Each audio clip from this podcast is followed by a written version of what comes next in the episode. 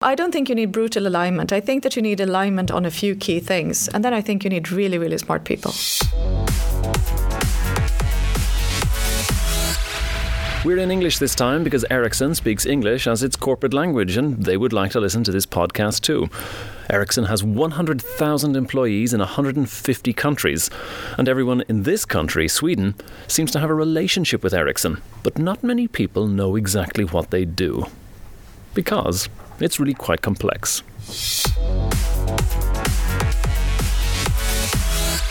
Helena Norman, you're really welcome to Content Podden. First question. Thank you. What exactly does Ericsson do? Because everybody in Sweden knows about Ericsson, but nobody really knows what you do. No one really knows what we do. When you uh, use your smartphone or your pad or you use your PC on the go, we do everything that makes it work.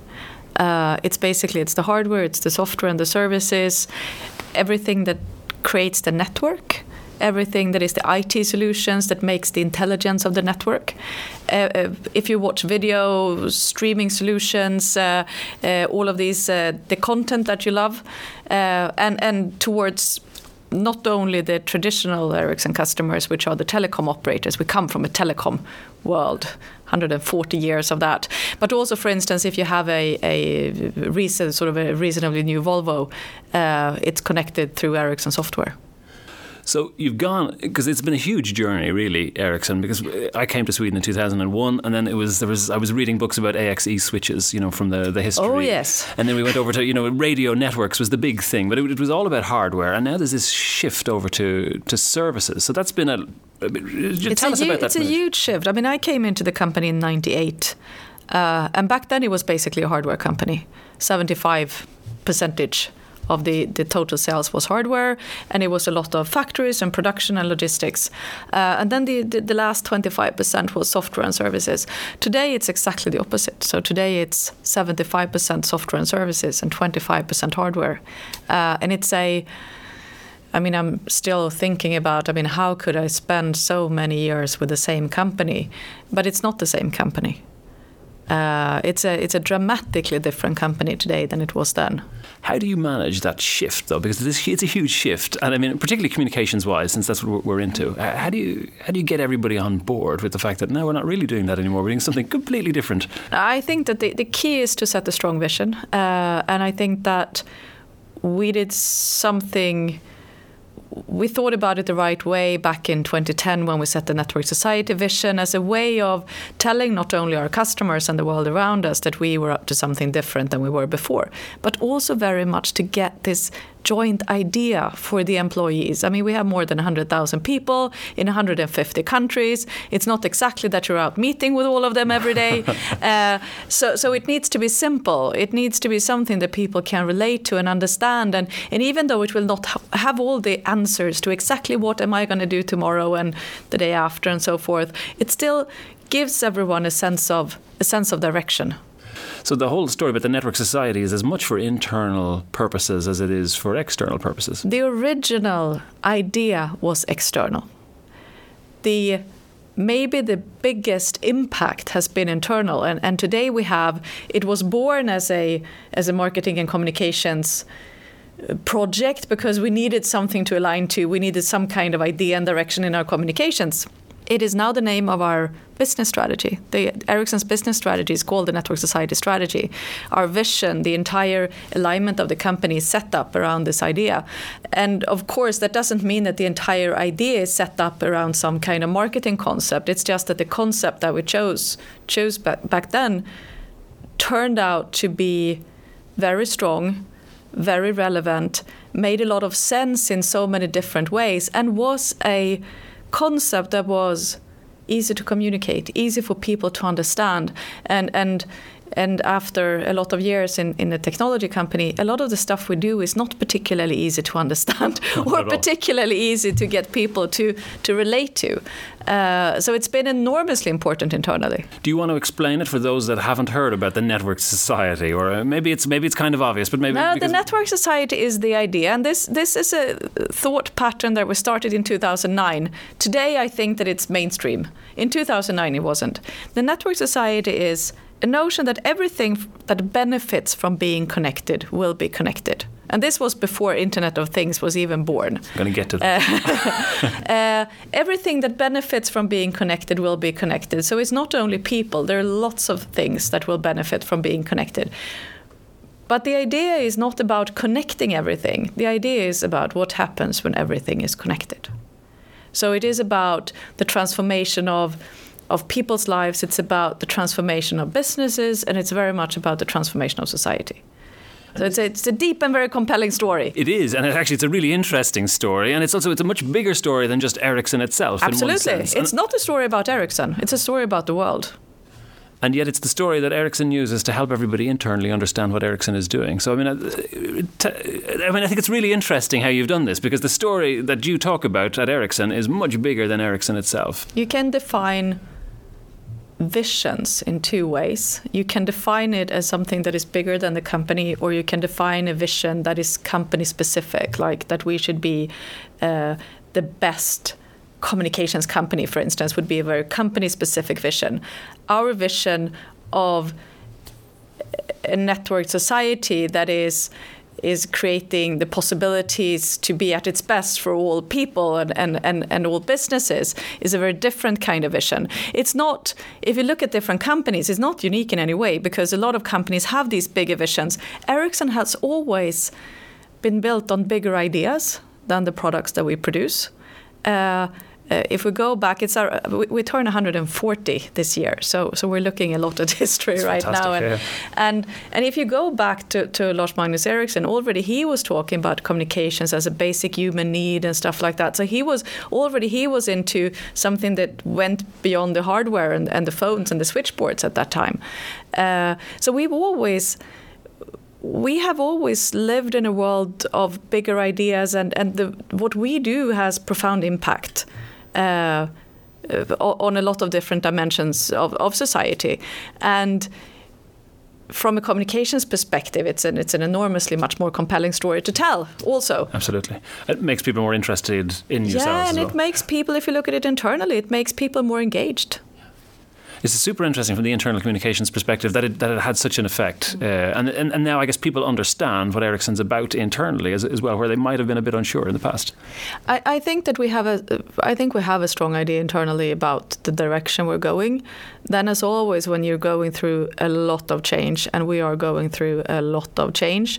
Uh, it isn't easy for everyone to understand every day where different changes come from and, and how all of this will play out. Uh, I think that that is very natural in periods of, of big changes. But in periods of big changes, it's even more important to have some kind of North Star, to have something that sort of when you sit there and you're wondering a little bit what is, what is happening around, you can look up and say, okay, so that's where we're going. Yeah, I figured that probably makes sense. I guess the other thing as well about the Network Society story is that it, positions Ericsson as a, as a thought leader, as, the, as the guys who really understand what's happening in the world today. And that is very important. And that, w- that was actually a very deliberate choice yeah. when, we, when we first selected the concept. And the reason for that is that we are a B2B company. Uh, our customers are typically buying very big and very fundamental systems and services or outsourcing entire operations to us and or building investing billions and billions into to, to building networks that are supposed to be around for 10 20 30 years. And and and if you combine that with all the changes not only in the world but also in technology if you're going to go with someone, if you're going to select a partner, you want to be pretty sure that they know in which direction you're supposed to go so you don't get locked in with the wrong guys. So the thought leadership part becomes very, very important. Has it worked? Yes. Um, I think it's still a little bit too early to assess. We're still in the middle of this. I think it has worked. We talked about the internal part. I think yes. that it has it has worked a lot internally, even though I mean change is ever present, but it has been very, very important internally.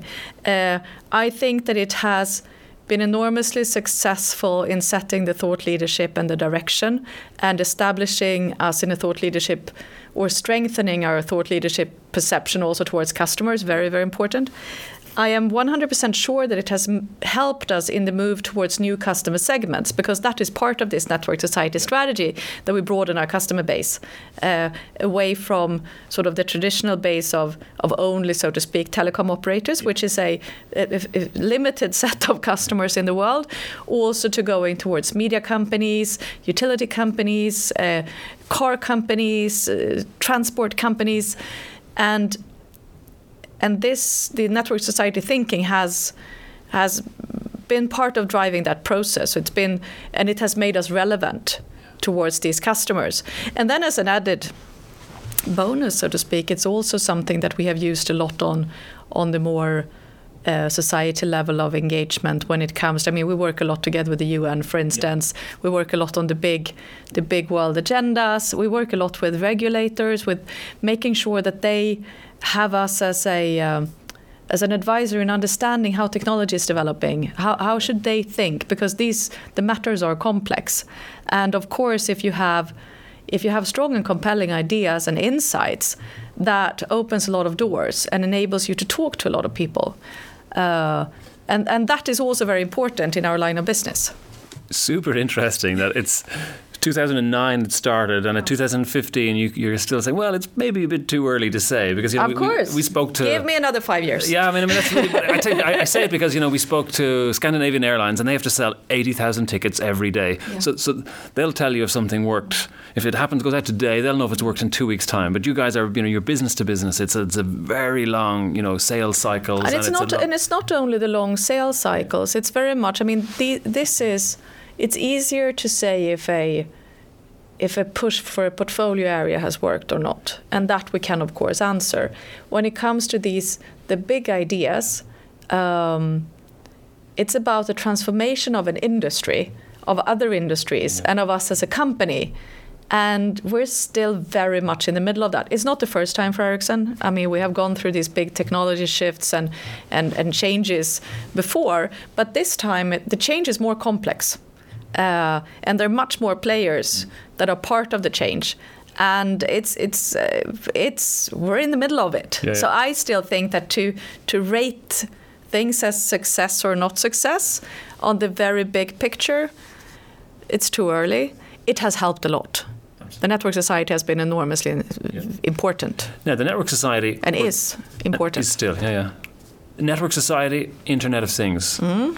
what's the difference network society is not about connecting everything. The network society is about what happens when everything's connected. For me, it's a fundamental difference between these two questions. And and for instance, if you look at the next thing the, the, the, next step after internet of things is connecting systems instead of things. So what happens if you if you have all the connected cars and you connect them together with the traffic authorities and you get the connected transportation system that's when you can start to get the real benefits in terms of traffic management co2 emissions uh, people spending less time commuting um, city planning whatever you have it. Yeah. but it's not in connecting the actual things so you need to think bigger. So for me, network society is bigger. Uh, the Internet of Things guys might, and we work a lot with the Internet of Things as well, but we don't see it as the end game. I think that's the difference. That's not. It was a good answer. I was kind of concerned. I was thinking, ah, that's going to be a hard one for her to answer. No. But no, not at all. Good. Tell us about your target audience. Are you because that's also it's no longer telco operators as you were saying. So who who is the who's the audience today? I mean, that's a I think that's a confusing one. Uh, we we have identified in, in the business strategy we have identified four key stakeholder groups, uh, and then we might want to add a, little bit for communication purposes. But the, the, core stakeholders are customers, obviously, and then it's obviously the existing customers, which is very much telecom operators and the mobile operators. But it's also the new customers, the media companies, the broadcasters, the car companies, the transport companies, the utility companies, etc., etc. So customers. Then we have employees, obviously, and it's also very much it's existing employees, but it's very much about talent uh, and talent acquisition. Right. And in this kind of transformation that we're going through, if you don't have the best people, that's a very dangerous place to be. and we're competing for talent not only in our own industry, but every all companies are becoming software companies, for instance. So if you want the best software developers, you have to be a pretty bloody attractive employer. Yeah. Otherwise, they, the best ones will not come work for you. And it needs to be in a hundred different countries. So, so that is a very important part. We have investors obviously. Yes. Important stakeholder group, both existing and, and the potential ones that will want to invest into us as a company. And then and those have always been there. And then we've added a fourth one in in the network society strategy, which is society. Uh, so it's the bigger picture. It's That's the everyone in the world. Uh, it's not only everyone in the world. Uh, so it's not, not, only everyone in the world. no, so that. it's not. And society, it's not consumers, which is important because it's not people in their capacity of buying something. Okay. Because we don't sell anything that you as a private individual can buy. Yeah. So it's it's society in the sense that technology and and and, and, communications infrastructure has a deep impact on society and is important. So it's important for, for politicians. It's important for, for you and me as, as citizens more than as consumers. Yeah. Uh, it's probably important for you as consumers to our sort of customers of our customers. Um, but it's very much it's very much about the big agendas. Uh, and not so much about sort of the man in the street, yeah. at least not in the phase we're in right now. So that's why we call it sort of society instead of consumers, for instance. Yeah, I understand. Um, and then, of course, when it comes to target groups, we also work a lot with the influencers. And I mean, so we take a look at all of these stakeholders and then you think about sort of who do they listen to? How do I reach them? Um, but those are the core ones. How do you keep track of all of it? Because I mean, as you say, you're in 150 countries. You're responsible for all of the communications and all of the marketing. Don't got, remind me. you've, got, you've got, Twitter channels and LinkedIn channels, and you've got yeah. Facebook, and you've got hundreds of different Facebook channels, and you've got you've got all your communication that from from your own channels. Uh, you've got marketing campaigns. How do you keep a picture and all of that? I mean, we what have a we have we're trying to if you if you're asking about how you measure and follow up, we have two parts. We have a long term system, which sort of follows up on market perception, it follows up yeah. on media perception, it follows up on employee perceptions, it follows up on investor perceptions etc etc uh, in an established system uh, it's not super fast moving but it's the same and it's consistent and we follow it over time uh, and at the same time as we try to always think about sort of are we still measuring the right things because there is so much change and then we have the more channel specific and campaign specific and more tactical. I mean, how do you measure social media? How do you measure Ericsson.com? How do you measure Mobile World Congress? How do you measure? So we have different sets of KPIs, and we're working very hard to make sure that the organization uses the same KPIs, so we can right. compare yes. between different activities. Yeah, yeah. Because otherwise, it's very hard to know if this measurement number you get out is it good or bad. Yeah. Uh, so that's very important because we come from a background of everyone kind of Doing having the liberty of doing their own thing. Because that was my next question. Because it's about you know you 100,000 people, 150 countries. How do you get everybody communicating or talking in the same way, or, or using the same ways of measuring the success? I mean, uh, that's a first of all have a strong vision. That's the yeah. old, I think mm. that's the that's the best way of getting people to.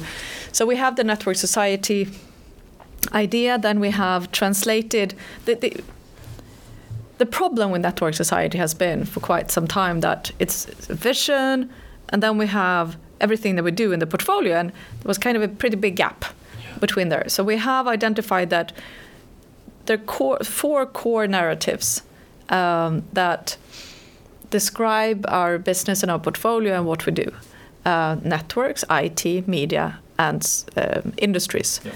and. Uh, so we're using that as a gearbox, as a translation between the big idea of the network society, which is not about Ericsson, yeah. into this is what we do, and then into solution services products. Okay. Uh, the, this latter part was introduced last year, so it's that still much more immature. Yeah. But it's a fundamental part also on on getting alignment in the organization about how do we talk about this. Yeah. We spoke to McDonald's marketing director. He talked about brutal alignment being required at, at some points. Do you? I mean, would you agree? Is that is that required or or?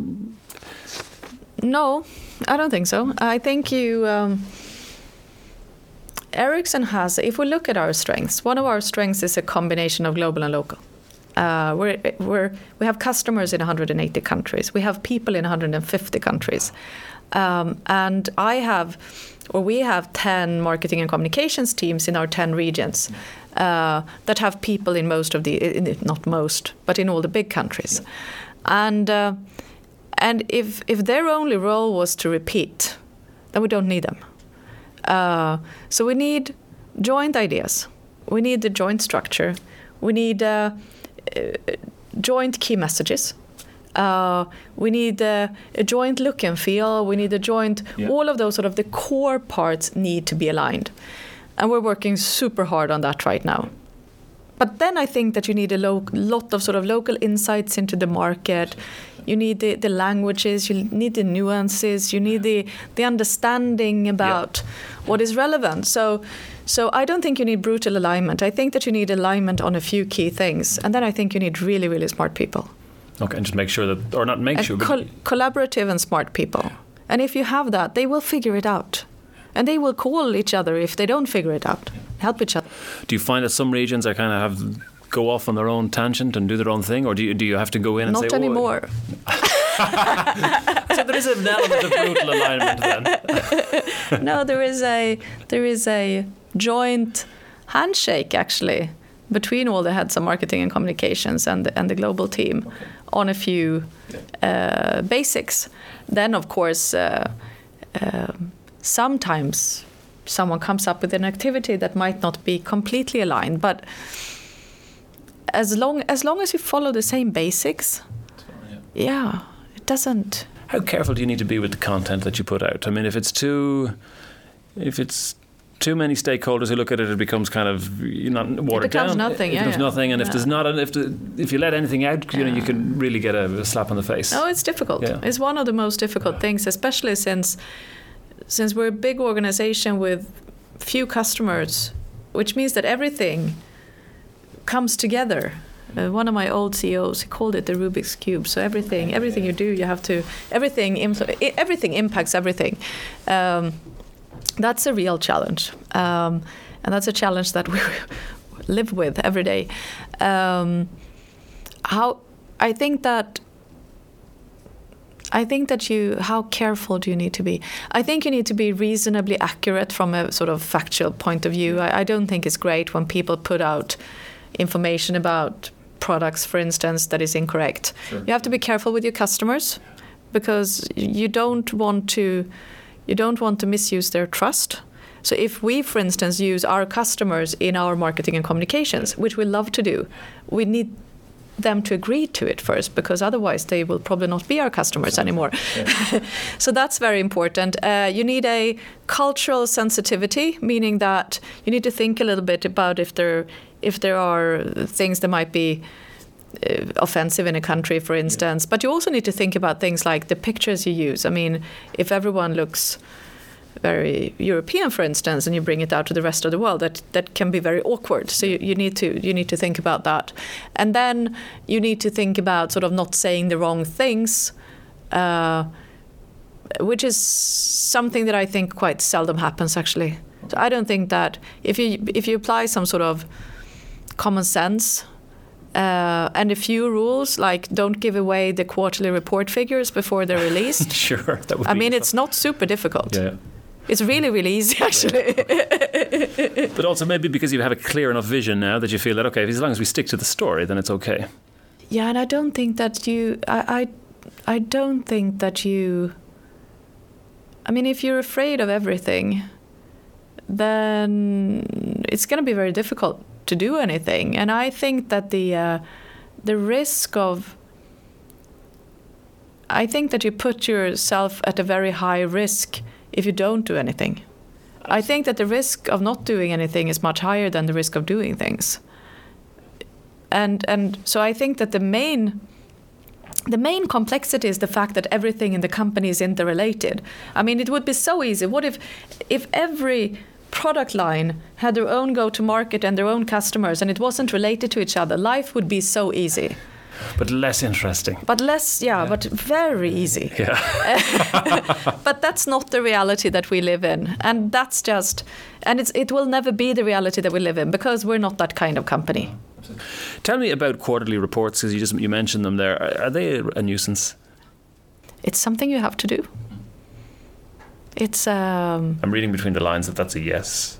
I don't know, it's a nuisance. I guess I think that there is a. Now let's put it like this. I think that it might not be the. It might not always be the most fun thing that you do, from my personal perspective, especially since I always get stuck in things like proofreading the Swedish version and stuff Yeah. like that because I don't know why. Uh, but I think that there is a very important. Uh, if you want to have trust in the market, you need a certain. You, you need transparency. Um, and and there are lots of things happening in the world and in the company, and I think that it's important that you provide a good level of transparency to your investors. Uh, so I personally think that quarterly reports in themselves are good. I don't think that uh, the financial behavior where you assess companies based on, based on quarterly performance is necessarily what you're aiming for because we're we're trying to create long-term value. Uh, that's the end game. The end game is not to create. Not, of course, we need to to create good quarters, but it's not about creating one good quarter. It's about creating another 140 years.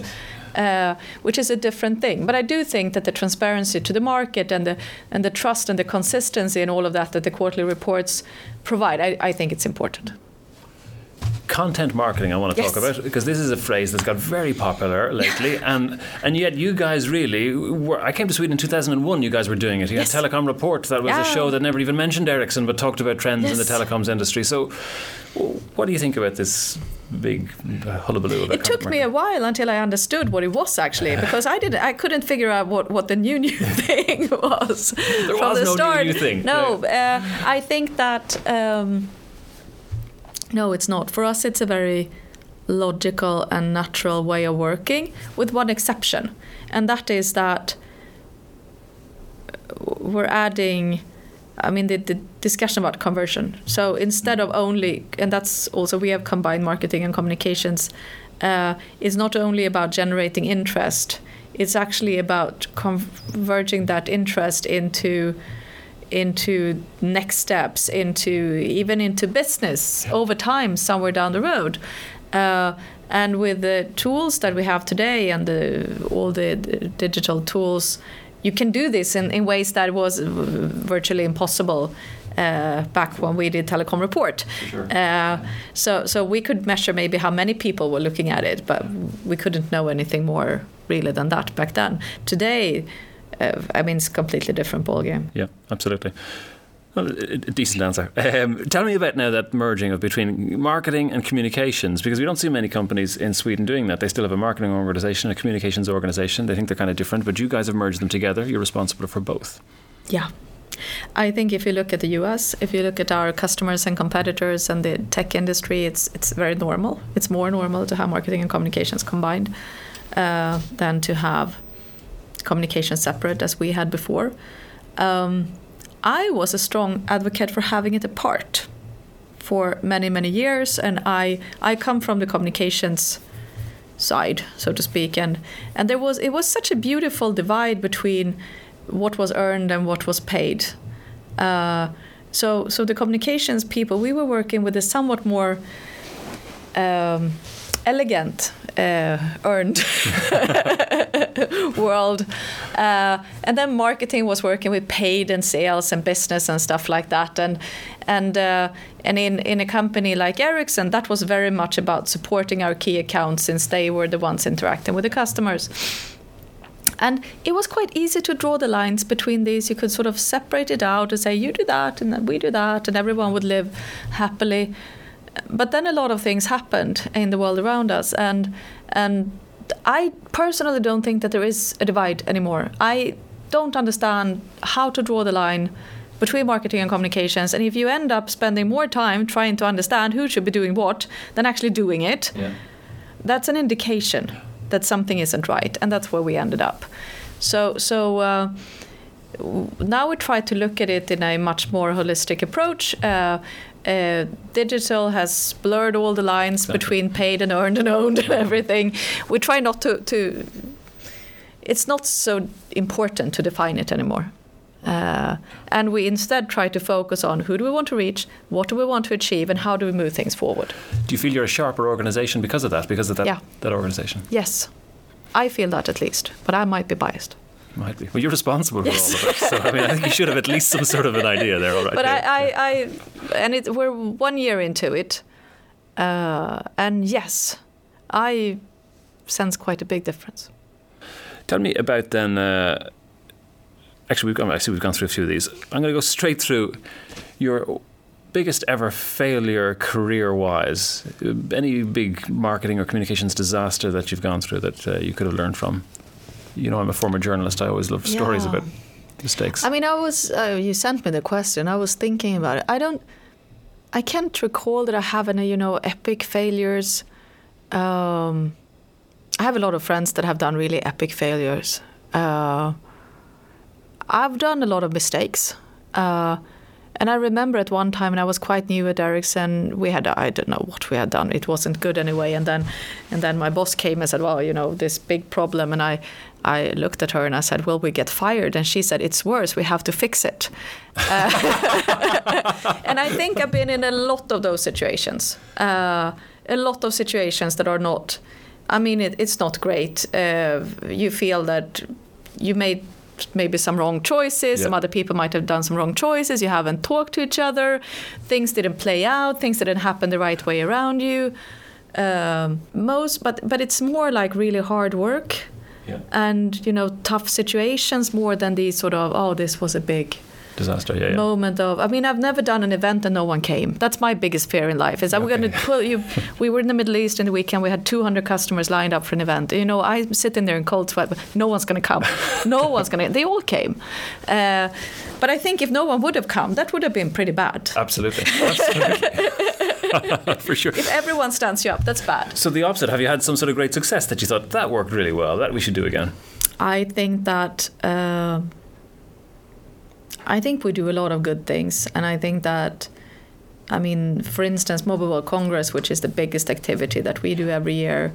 I mean, you you just stand in the middle of it, and you feel really, really proud, because it's a fantastic. I mean, it doesn't only look great, you, when you know and and you know the people and you know all the effort that goes into it and it's like because sometimes it's like oh, it's all of this change and transformation every, everything's difficult right and then things don't go your way and you're like this is never going to work and then you stand in the middle of that and it's like it's abs- it's it's fantastic it's a fantastic delivery and it's a huge it's a huge thing We should for those that haven't been there it's a We should explain Mobile World Congress then is, is the telecoms and now ICT trade fair Yes. globally. And we don't have a, a, a we don't have a, a stand. We have a hall. Uh, so we create our own world. Uh, and, and it's our own world, and it's a it's a uh, thought leadership program. It's different stakeholders. It's uh, it's news flow. It's demos. It's technology. It's people. It's meeting. It's business. It's fun and entertain. It's everything at the same time during three days, and it's like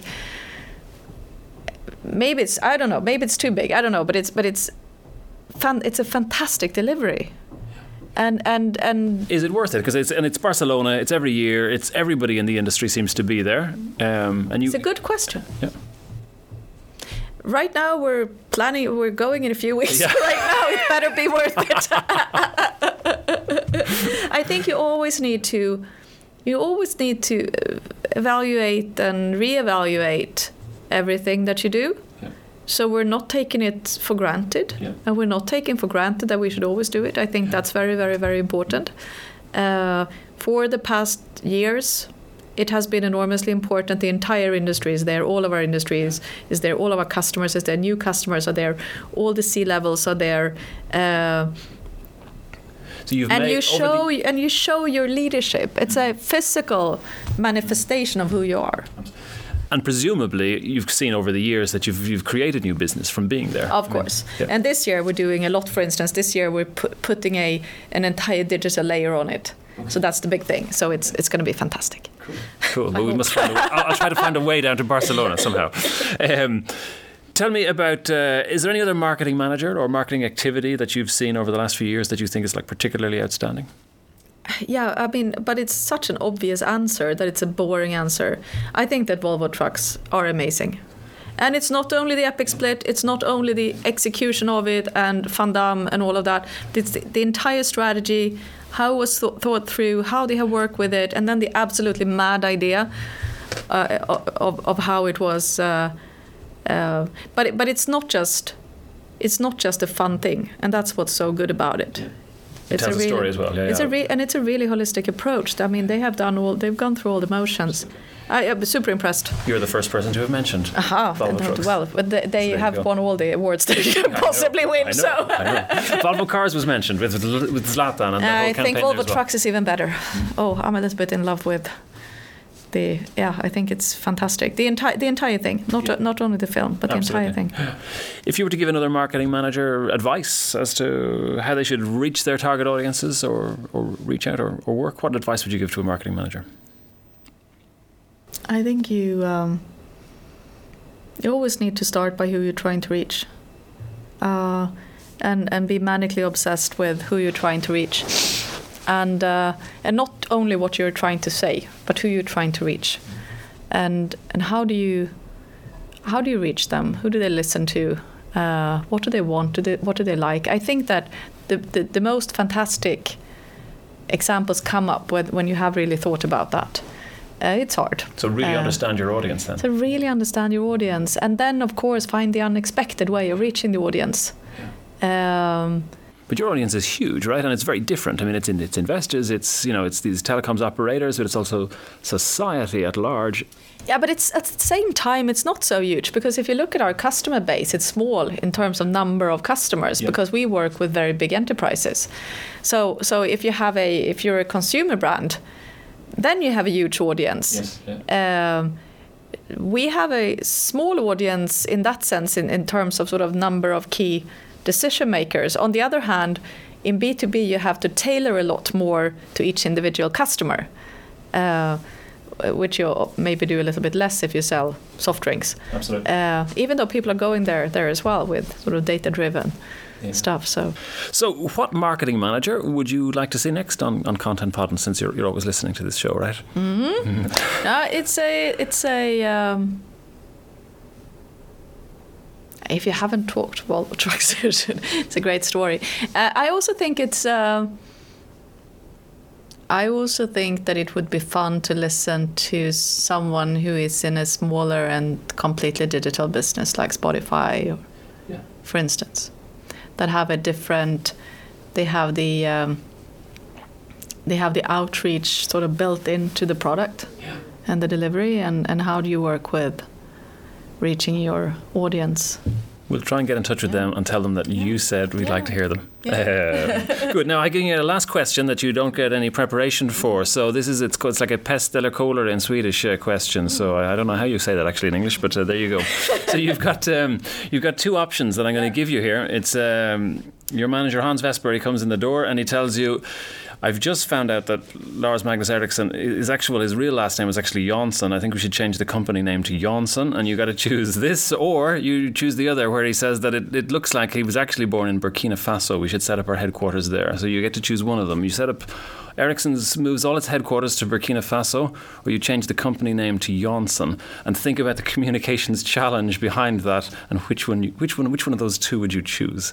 i would stay with the headquarters in sweden and the reason for that is that i believe that even though a name is important heritage where you come from what you stand for uh, and and and your roots as a company is something that is very important. It's and, and i i think identity uh, i think um, I think identity and purpose are probably the two biggest assets that a company has, more than the logo and the name. Even though Jansson seems like a horrible name of a company, but that aside, it's it's. Uh, I think we could change the name of the company, as long as we still have the identity and who we are and what, what we stand for. And I and I think that moving headquarters and and I've been part of moving parts of the headquarters once. I don't personally think it's a great idea, and that was not so. It was to London, but but still, it's it's. Uh, I think you should be careful. That's my Good answer. Helena Norman, thank you very much for Thank being you. on Content Podden. thank you.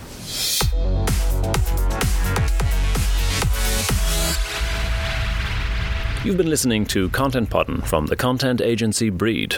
You'll find us at breedcontent.se. Check us out there and give us a call if you've something to talk about. And we do love ratings and reviews on iTunes, so don't hesitate. Pretty please. Thanks for listening.